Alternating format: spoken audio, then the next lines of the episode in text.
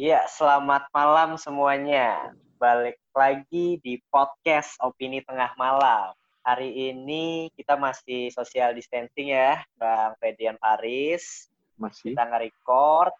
Jadi mohon maaf kalau emang audionya sedikit kurang bagus. Hmm. Dan emang ada beberapa yang komen tuh ya, kayak audionya lebih bagus yang dulu gitu. Ya emang karena kita belum ketemu udah berapa ya? Dua minggu ya? Udah berapa konten? Dua sampai tiga ya? Eh, dua ya? Sampai tiga konten.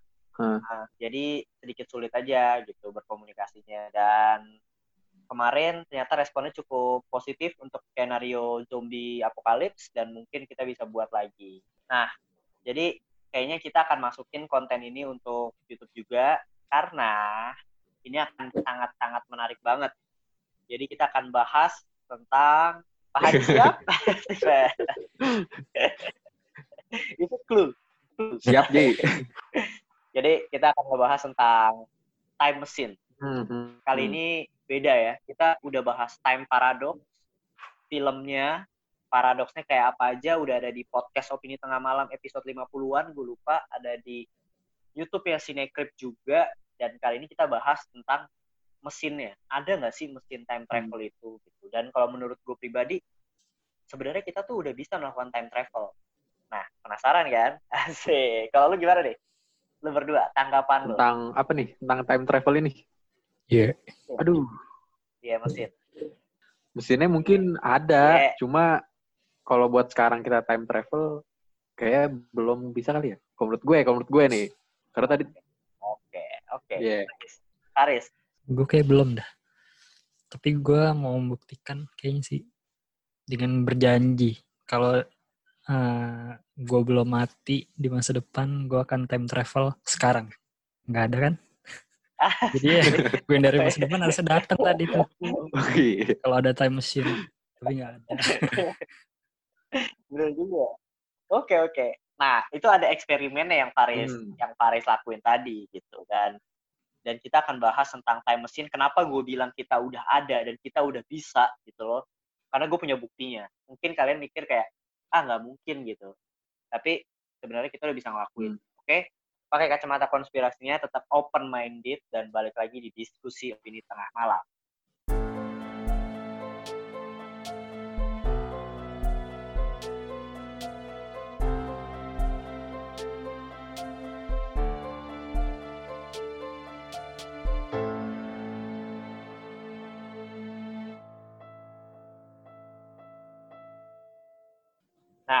Jadi bagaimana nih kabar pendengar?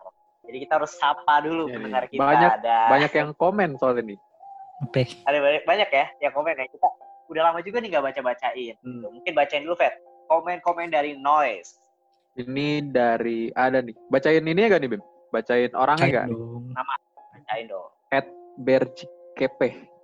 Gue lebih tertarik kehidupan bawah laut. Oh ini pas episode laut terdalam nih.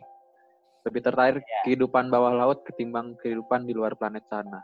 Dan gue lebih percaya Megalodon masih hidup ketimbang alien.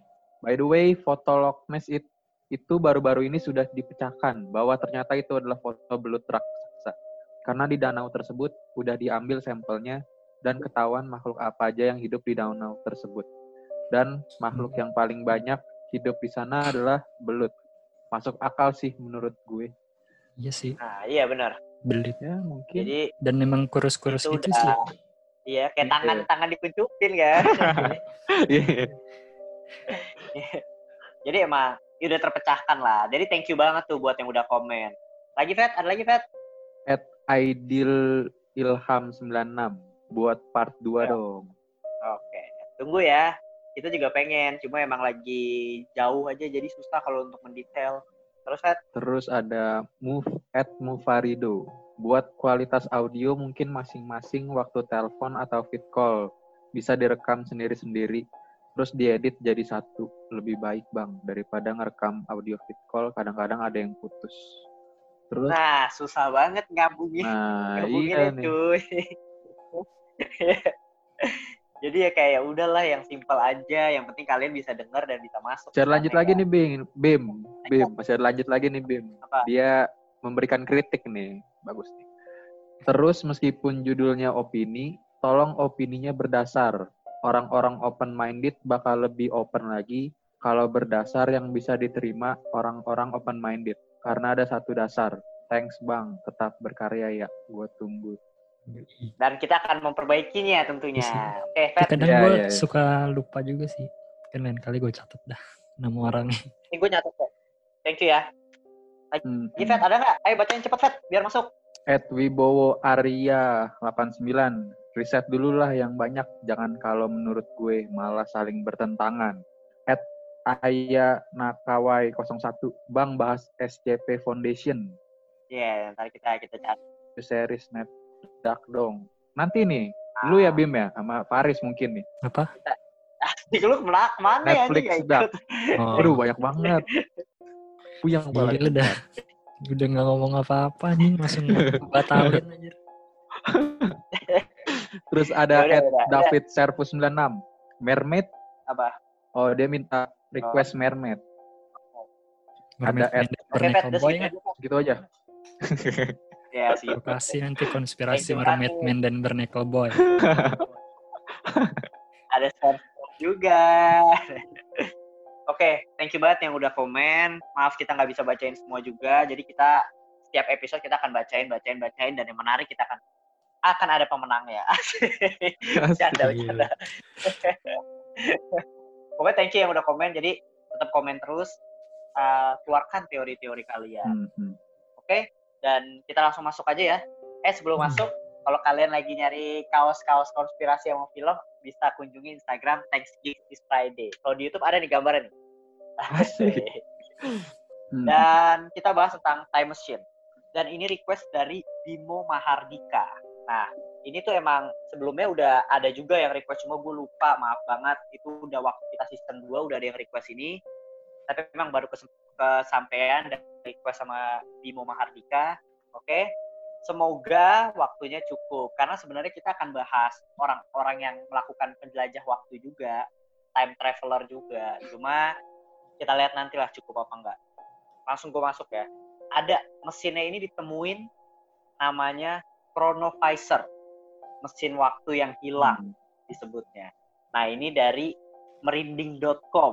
Di Kaskus juga banyak sih sebenarnya. Kalian bisa cari chronovisor dan itu keluar banyak banget dari web luar atau web Indo. Gitu. Langsung gue masuk aja. Pada tahun 1972, sebuah surat kabar di Italia memuat berita bahwa ahli kuantum bernama Father Pal- Pellegrino Ernetti mengklaim bahwa telah menciptakan mesin waktu yang dibantu oleh 12 ilmuwan terkenal, termasuk Enrico Fermi dan Werner von Braun. Mesin ini mampu mengambil gambar foto-foto dan suara di masa lalu.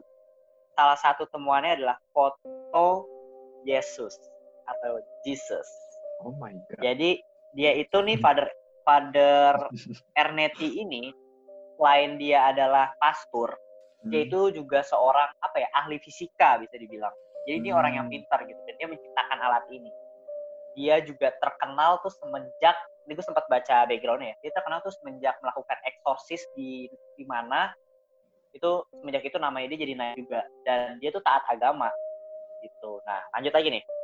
Sebelum dipublikasikan oleh media bernama Le Do- Domenica del Corren pada Mei 1972, Ernetti telah meng- mengatakan mengenai penemuan ini pada Father Francois Brenu. Brun.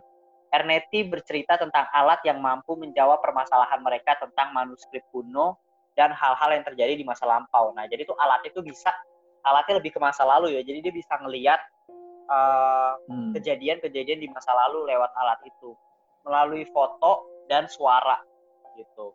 Berita ini cepat tersebar ke seluruh dunia dan menimbulkan kontroversi banyak yang meragukan dan mengkritik Ernetti serta menganggap penipu gitu. Namun menurut Ernetti sendiri alat ini bekerja dengan menerima dan menguraikan isi kode dan mempro- memproduksi radiasi elektromagnetik di balik peristiwa lampau. Tapi sampai ia meninggal pada tahun 1994, ia tidak sempat mengungkapkan pada dunia. Menurut lu gimana? Menurut gua, berarti ini mesin waktunya itu orangnya masih ada di sini, dia cuma dapat penglihatan doang gitu, Bim. Bener Iya. bukan? Iya, Tahu. dari alatnya itu. Benar-benar. Kalau menurut gue, kalau kayak gitu sih masih mungkin ya. Mungkin kayak alat yang di X-Men bener gak? Bisa nggak tuh? Yang mana? Yang X-Men Cerebro ya? Ingat gak sih lu yang Profesor time. X pakai? Iya. Enggak, mungkin mas. Iya, Oh, enggak maksudnya mungkin alatnya mirip-mirip seperti itu. Mungkin kalau kayak kayak- gitu gue Alatnya kayak TV. Kalau pas gue lihat. mungkin gue Gitu. masih masih bisa percaya sedikit mungkin. Kalau kalau tubuhnya masih di situ cuma dapat ingatan-ingatan masa lalu mungkin. Kan dari Ma- gambar sebenarnya dari alat itu kan. Nah, Ah. gimana nih kalau Faris? Gimana ya? Malah susah juga sih secara logika anjing. Lu dapat tuh? gambar masa lalu susah juga. Caranya dia dapat gambar itu gimana gitu maksudnya? Tidak tahu. Tapi sampai akhir nggak bisa Dari- diungkapkan ya. Iya. Ini ini, ini, ini konspirasinya cuy. Ini ini gue ngerasa ya, ini, ini teori gue aja sih sebenarnya. Gimana ya si Ernesti ini ya ya masuk gue dia seorang pastor gitu loh. Dan sampai akhir hayatnya dia masih sebagai pastor gitu. Cuma dia mengklaim bahwa eh, gue bisa gue nemuin alat ini dan Hmm. dia bisa ngelihat kejadian-kejadian masa lalu dan dia lebih ngelihat kejadian-kejadian yang ada di uh, Bible gitu loh.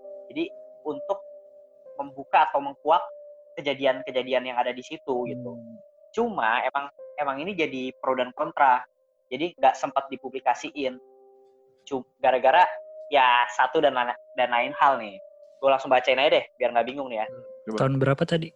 1972. 1972. Ada juga ada juga pendapat lain yang menyebutkan jika Ernetti sebelum meninggal dan timnya memutuskan untuk sukarela membongkar perangkat mesin waktunya itu. Karena mesin tersebut dapat menyetel kapan saja dan di mana saja kejadian berlangsung dan dapat melihat peristiwa-peristiwa besar. Jadi menurut dia ini alat ini sangat-sangat penting untuk kehidupan manusia. Maksudnya untuk peradaban manusia ke depannya. Jadi intinya dia ini takut atau dikhawatirkan oleh Vatikan juga kalau alat ini jatuh ke tangan orang yang salah. Nah, akhirnya Vatikan memutuskan untuk menyembunyikan alat itu. Cuma ada yang bilang alat itu dihancurkan. Jadi ini ada dua kemungkinan. Yang pertama alat itu dihancurkan, yang kedua alat itu disembunyikan. Gimana tanggapan lu sejauh Ini udah bawa-bawa Vatikan anjir. Kenapa emang? sempat jadi perdebatan karena karena alat ini sempat booming dan yang gue yang gue bikin ini ya yang bikin Hah? gue sedikit mulai uh, percaya dikit gitu karena dia sampai akhir hayatnya mengatakan kalau ini alat memang benar ada dan dia seorang pastor gitu loh Iya. kayak Tapi kan ya ya pastor juga bisa manusia, bohong. bisa berbohong Iya sih, Iya, iya, manusia, pastor gua. masih Makanya manusia. gitu. Cuma udah sampai bobo Vatikan anjir. Gue gara-gara itunya doang dah. Masa udah sampai bobo Vatikan? kelibat Iya. Maksudnya kalau ini alatnya kemungkinan masih kayak bohong, Vatikan ngapain sampai turun tangan? Kalau menurut gue gitu sih. Cuma gue nggak tahu juga ya. Tapi Bingung juga. Makanya kayak maksudnya, politik banget maksud gue kalau emang dia bisa nemuin Kenapa? ya karena lu juga nggak tahu kan Vatikan dia kayak gimana aslinya. Iya sih, Vatikan di di Nah. otak gue cuma Vatikan itu baik dah, nggak mungkin berbuat berbuat jahat. Iya. Iya sih. gue intinya gini sih si apa namanya soalnya si Ernetti ini dia itu yang dia lakukan dengan alat itu adalah mengambil foto Jesus Hmm. di saat masa lampau dan dia juga meng- jadi ada satu keja, apa namanya cerita di Bible tentang satu kota Sodom dan apa apa ya? Iya, Sodom dan Gomora. gue lupa ya itu hancur kan dan dia melihat peristiwa itu. Berarti kan secara nggak langsung dia ngebawa-bawa uh, satu agama dong. Nah Vatikan ya dia turun tangan lah. Maksudnya Hmm. ini bisa menyebarkan atau menyebabkan salah satu agama yang menimbulkan kayak apa sih nih Iya, gitu loh iya. ini sebuah kepercayaan kan Oh, oke, oke. masuk akal, masuk akal. makanya cuma kalau emang alat ini benar juga masuk akal juga kalau seandainya Vatikan akhirnya menghancurkan atau menyembunyikan gitu soalnya Father Hmm. Ernetti sendiri sampai kata orang sih ya Ah. ini dia sebelum meninggal dia rela ayo alatnya kita bongkar gitu loh ya maksud gua kayak dia berani gitu loh tapi ya emang sampai media pun akhirnya nggak publish Maksudnya karena belum tahu gimana cara dia dapet fotonya sih. Dengan cara apa gitu. Dia bisa ngelihat ke masa lalu misalnya.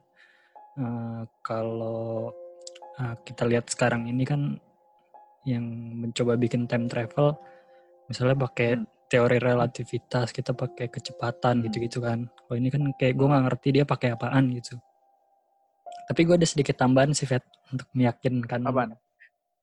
Oh my Jadi, god. Uh, ada satu Apa tuh? nama muncul di Kron eh ya Chronovisor ini namanya Werner Ah. Braun. Ah. Dia itu ilmuwan Nazi dulunya. Terus uh, akhirnya ikut join ke NASA buat jadi rocket scientist. Dan dia namanya nongol di Chronovisor sebagai salah satu yang bantuin bikin. Tapi itu cuma rumor gitu loh. Tapi si Brownnya ya nggak ngomong apa-apa.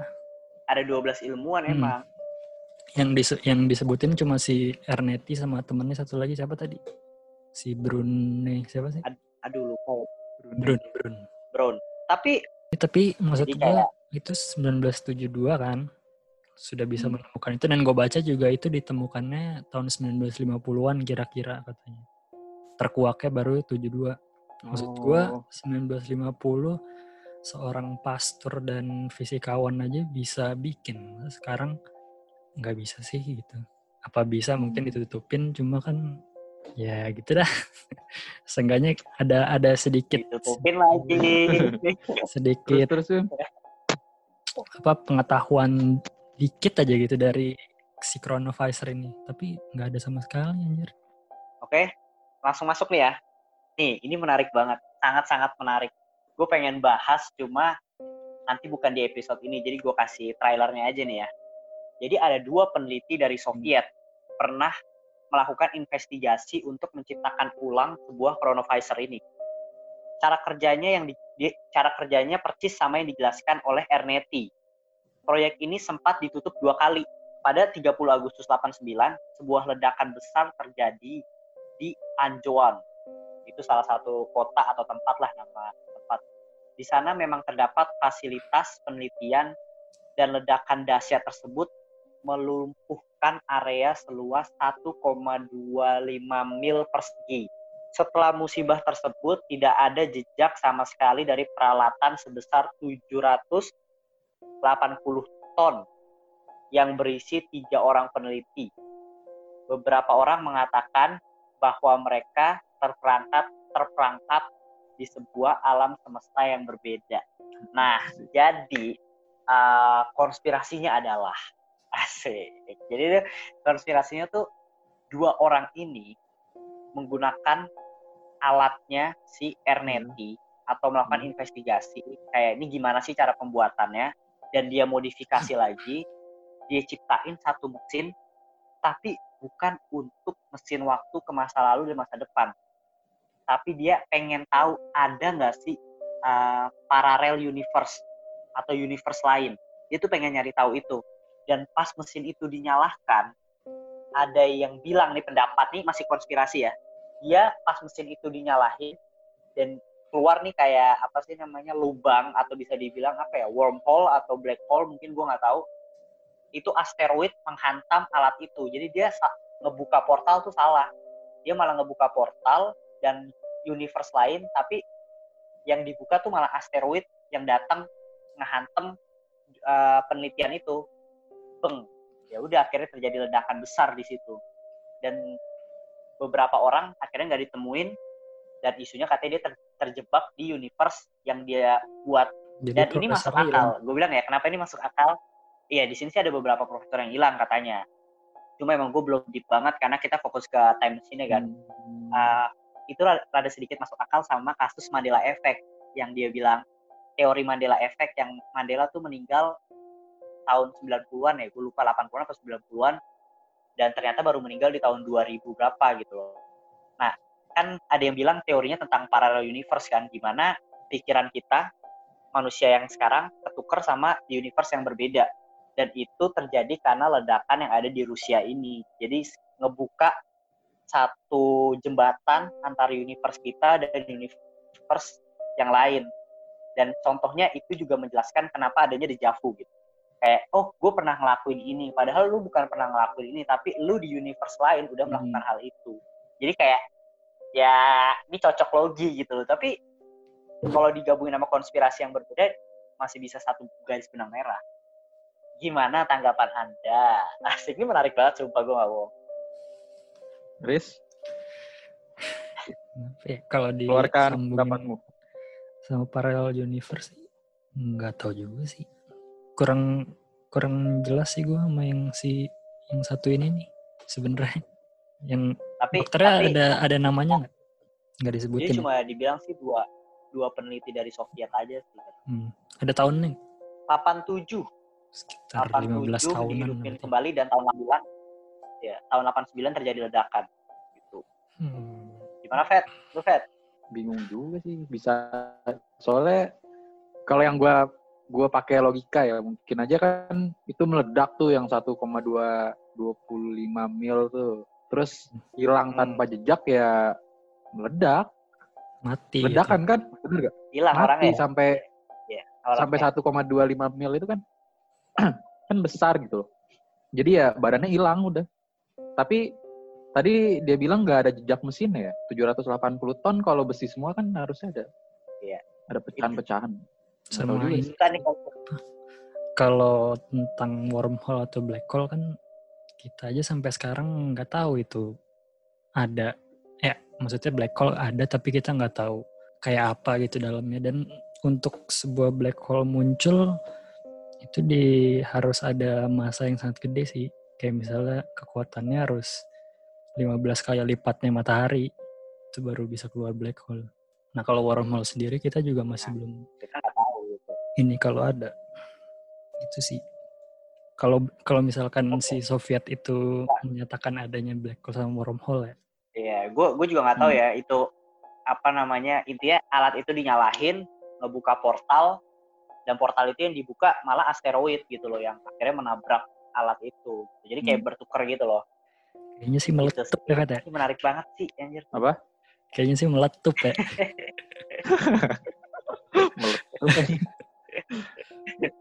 Lanjut nih ya. Ternyata nggak cuma dari Erneti atau dari Soviet doang. Ada lagi nih yang nyiptain mesin waktu dan ini motifnya itu, waduh sedih banget sih ini gue nggak bohong.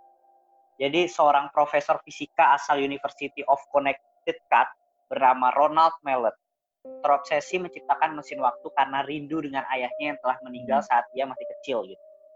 Ayah Ron meninggal akibat serangan jantung saat dia baru berusia 10 tahun. Peristiwa itu mengguncang hidup Ron. Kata Ron ya, bagiku dia adalah pusat segalanya. Sang ayahlah yang membuat Ron gemar membaca serta mendorong menekuni Saint. Sekitar setahun setelah ayahnya wafat, Ron menemukan sebuah novel fiksi berjudul The Time Machine. Buku itu mengubah hidupku, kata dia. Menurut Ron, semuanya berpusat pada teori relativitas dari Albert Einstein. Dia meng- ah, Einstein mengatakan bahwa waktu bisa dipengaruhi oleh kecepatan. Katanya ia memberi contoh astronot yang digambarkan terbang dari dalam roket dengan kecepatan mendekati cahaya, kecepatan cahaya, maka waktu akan berjalan secara berbeda di antara bumi dan di astronot yang memakai roket tersebut. Mereka bisa kembali dengan usia yang beberapa tahun lebih tua, tetapi beberapa dekade sudah berlalu di sini, ujar Ron. Jadi yang astronot terbang, di astronot tuh kalau nggak salah nih, ya, ini gue kalau nggak salah ya, uh, waktu di bumi sama di luar angkasa itu bedanya 0,02 detik. Jadi kemungkinan yang astronot itu lebih muda 0,02 detik gitu. Secara nggak langsung juga, ya udah time travel atau bisa dibilang dia sebagai time traveler si astronot-astronot ini karena pas dia balik ke bumi usianya tuh lebih muda 0,02 detik per detiknya Ah. gitu kan.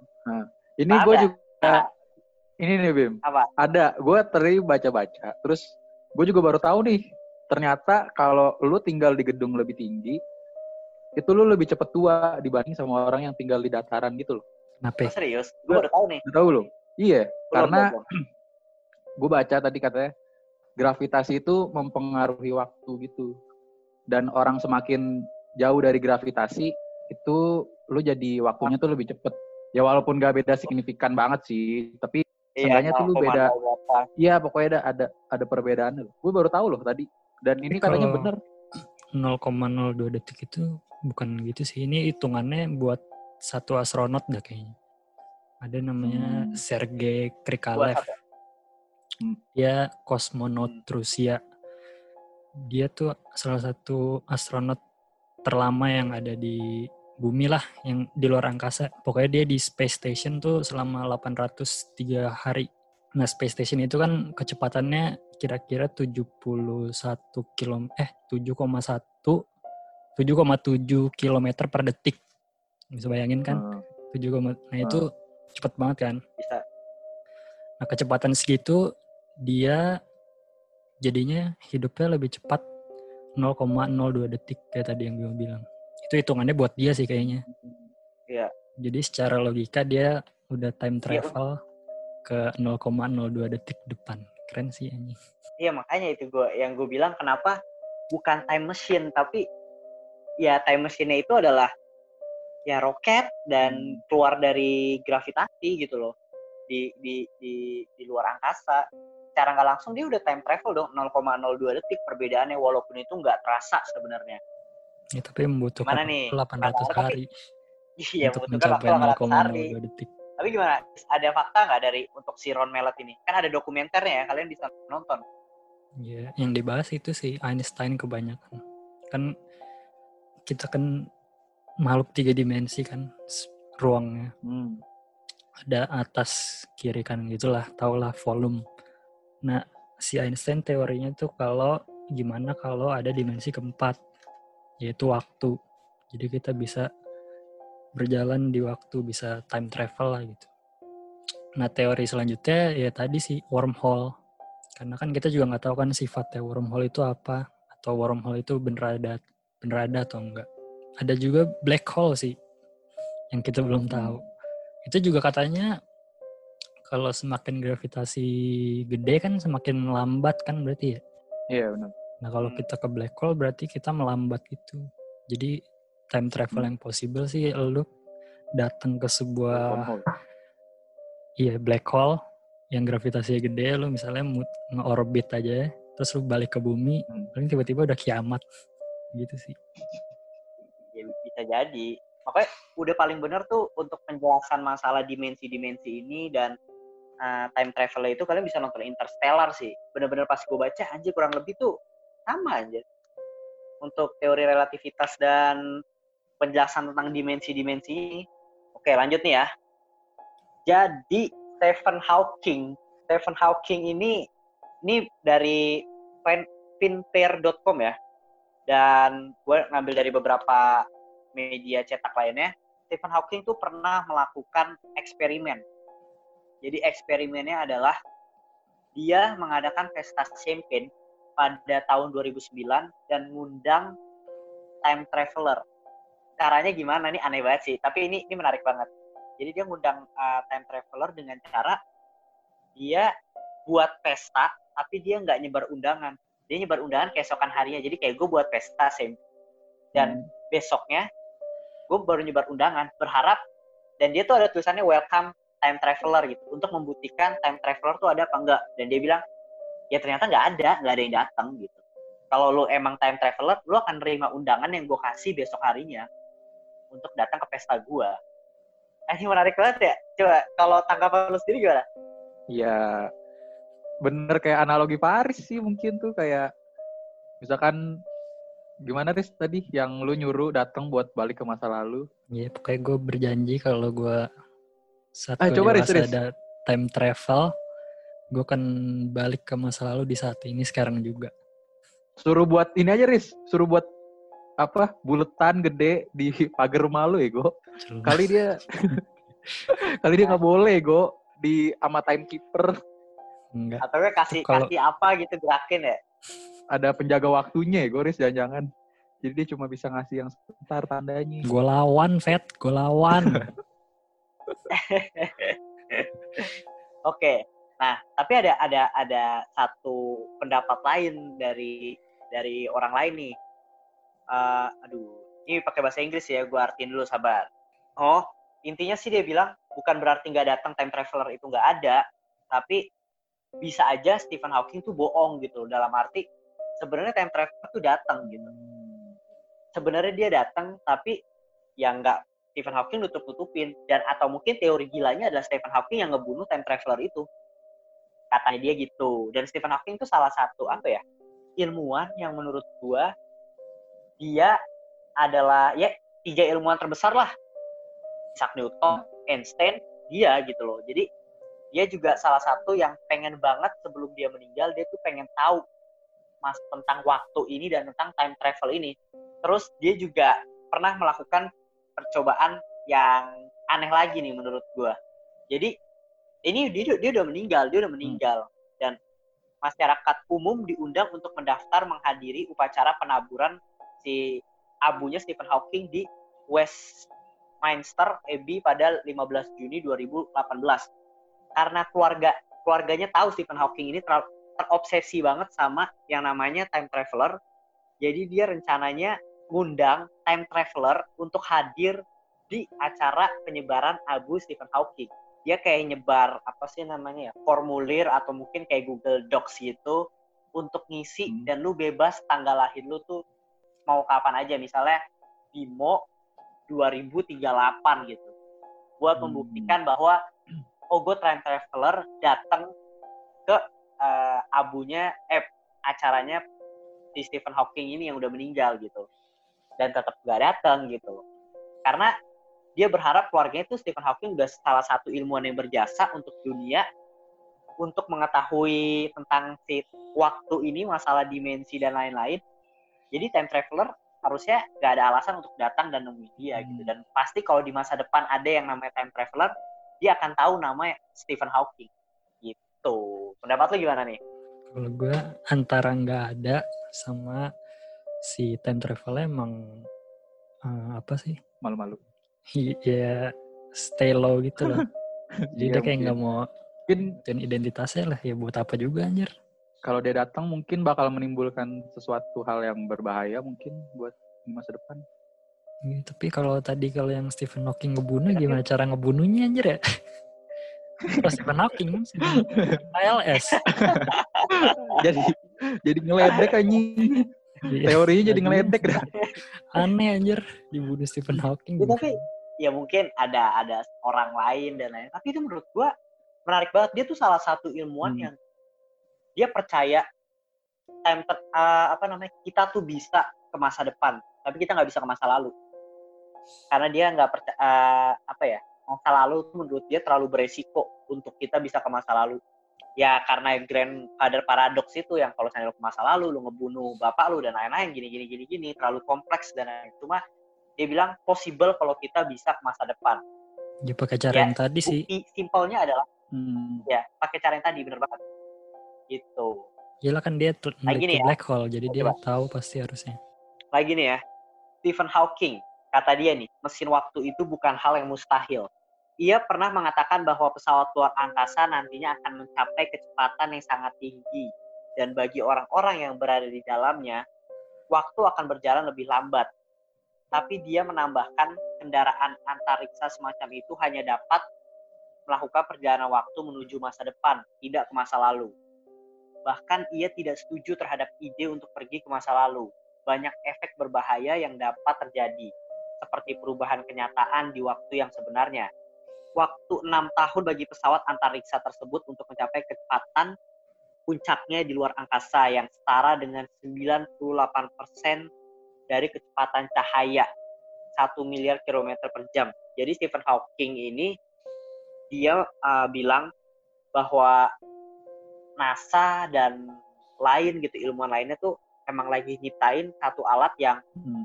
Dia tuh pengen explore space kan. Kita tuh pengen explore luar angkasa kan. Jadi kita tuh uh, lagi menciptakan sebuah mesin yang emang kuat untuk kita mengeksplor space. Dan dia bilang jika kita pengen yang namanya gue bilang tadi time travel itu butuh waktu enam tahun lagi untuk menciptakan alat tersebut tuh bisa setara dengan 98% dari kecepatan cahaya itu sendiri. Kata dia gitu. Dan ini artikelnya tahun 2017 atau 2018 gitu. Terus prediksi berikutnya adalah titik terjauh dari Bima Sakti. Dengan alat ini bisa mencapai jadi kita bisa ke ujung Bima Sakti itu dalam waktu 80 tahun perjalanan dengan perhitungan satu hari di dalam pesawat akan sama saja dengan satu tahun di bumi. Anjir.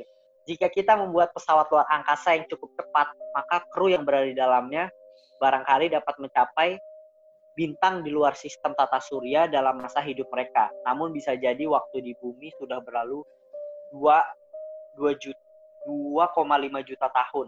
Ini kata Brian Cox menambahnya. Namun untuk mencapai hal tersebut, pesawat semacam ini membutuhkan persediaan bahan bakar yang luar biasa. Besarnya, yang belum dapat dihitung. Tentu saja semua itu masih sebatas teori yang entah bisa diwujudkan atau tidak. Jadi ya intinya kayak gitu gitu. Stephen Hawking berpendapat alat ini tuh bisa diciptain. Gitu. Dan manusia nantinya akan bisa menciptakan alat yang kecepatannya 98% hampir sama dengan kecepatan cahaya.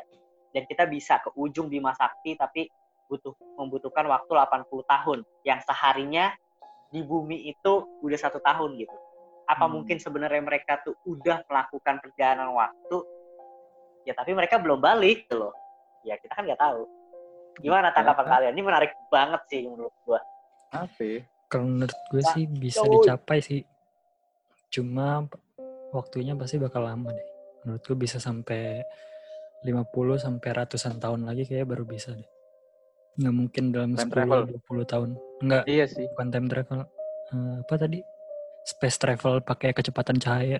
Ya. Karena ya kita Jadi emang belum punya ininya ya, sih kayaknya. Belum punya resource-nya. Iya, dan kalau mau kecepatan cahaya, setahu gue harus butuh energi yang sangat besar. Terus juga kan apa tubuh kita, setahu gue nggak bisa tahan nama kecepatan cahaya deh. Iya. Kalo, itu juga kita masih iya, belum tahu kan. Ya. Ntar jadi kayak yang di Guardian of the Galaxy ya, gue yang roketnya matanya kayak gitu. Oh iya iya iya. Iya kan. Mungkin tahu bisa kayak gitu tuh. Tapi emang gue baca juga itu tuh kan lu sama hmm. aja ketika lu masuk wormhole ya mungkin hmm. bisa gue bilang wormhole hmm. ya yang lu bisa kayak time travel iya. ke mana yeah. gitu kan tubuh manusia itu nggak kuat hmm. jadi ketika lu masuk lu kayak udah hancur aja makanya itu kenapa lu membutuhkan alat dan dan ini menurut gue salah satu apa ya penemuan atau hal yang diciptakan terlalu beresiko banget gitu Pertama, kalau alatnya jadi, siapa yang mau nyoba? Siapa yang mau menghabiskan waktu misalnya berapa tahun di luar dan dia harus sadar bahwa di bumi orang-orangnya udah lebih tua dari dia yang mungkin anaknya dia udah jadi kakek dan dia masih muda gitu ya itu itu hmm. itu itu cuma asumsi gue sih yeah. kalau dari lu sendiri gimana nih nyobanya jangan jauh-jauh banget sih Mulai nyoba ke Mars itu aja. Yang dekat dulu ya, masih hmm. galaksi kita. Kan Mars tahu gue kalau nggak salah dengan kecepatan yang kita punya bisa ditempuhnya tiga bulanan. Siapa tahu dengan oh. kecepatan cahaya bisa bisa cuma seminggu gitulah. Tapi yang kecepatan yang paling cepat ku pernah baca itu baru Apollo 10 33 atau 38 ribu dari Iya, Saturn itu baru segitu aja, Itu yang paling iya. cepet kan. Berarti kalau kecepatan cahaya satu satu berapa Wim? Satu miliar ya?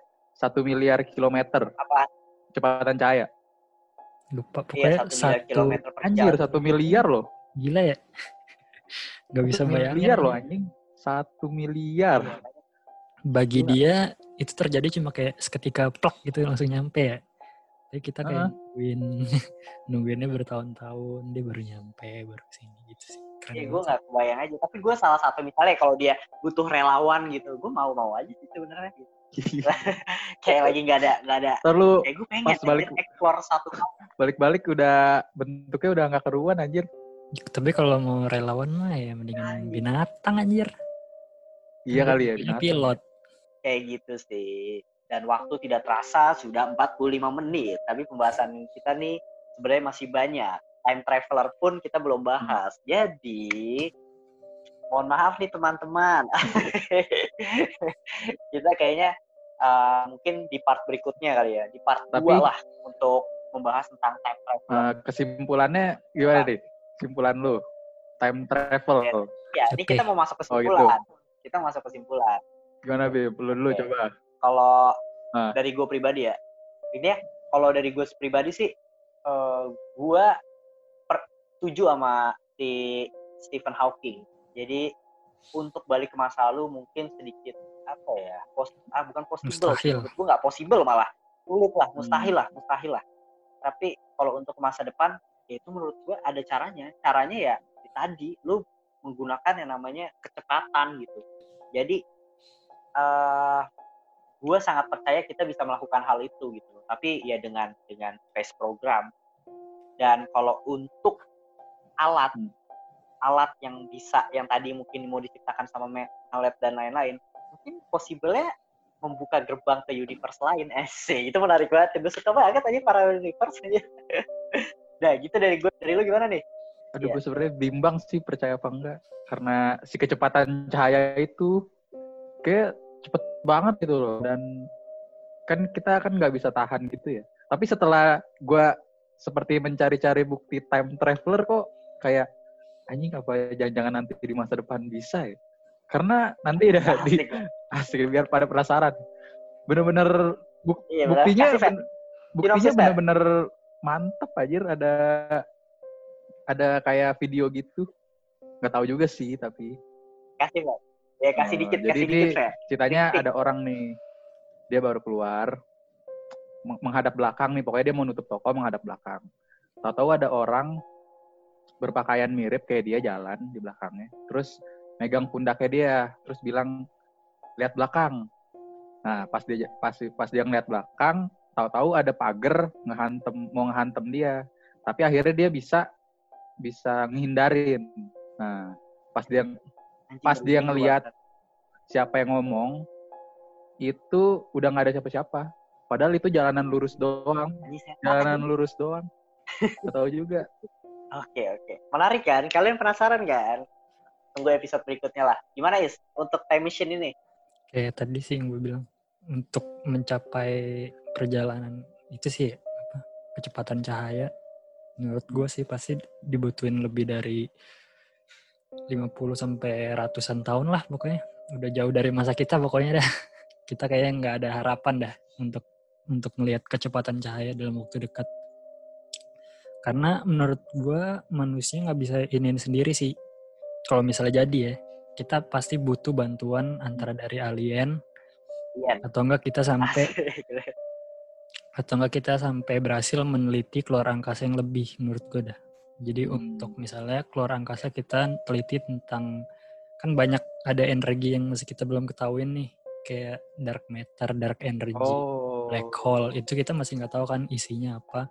Bentuknya juga nggak kelihatan sama cahaya. Mungkin Hmm. suatu saat nanti kita keluar angkasa, kita dapat sampel, kita teliti ternyata itu sesuatu bahan yang bisa ngebantu kita bikin kecepatan cahaya dan bisa. Tapi itu masih jauh banget sih.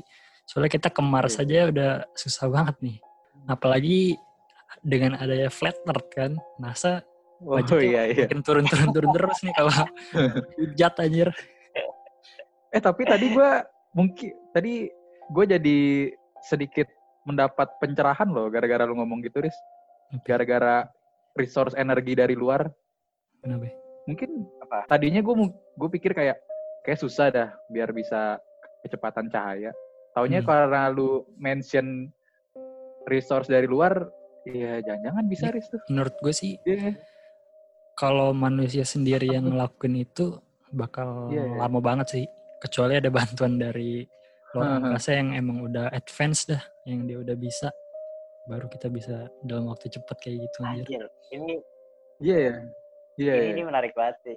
Stop stop stop. Tapi stop. nanti kita Oke? 2024 mau ke bulan, bro. Mantap. Asik. Perempuan pertama di Tungguin ya, bulan. kita bungkam. Empat tahun lagi. Jadi ah, udah ya segini aja ya.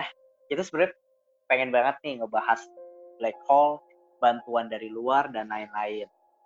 Gue kasih deh sinopsisnya. Jadi kita nanti pengen explore space dan berpart-part buat nemenin bulan puasa kalian. Tapi kita doain aja semoga virusnya cepat kelar. Jadi kita bisa mewujudkan hal itu.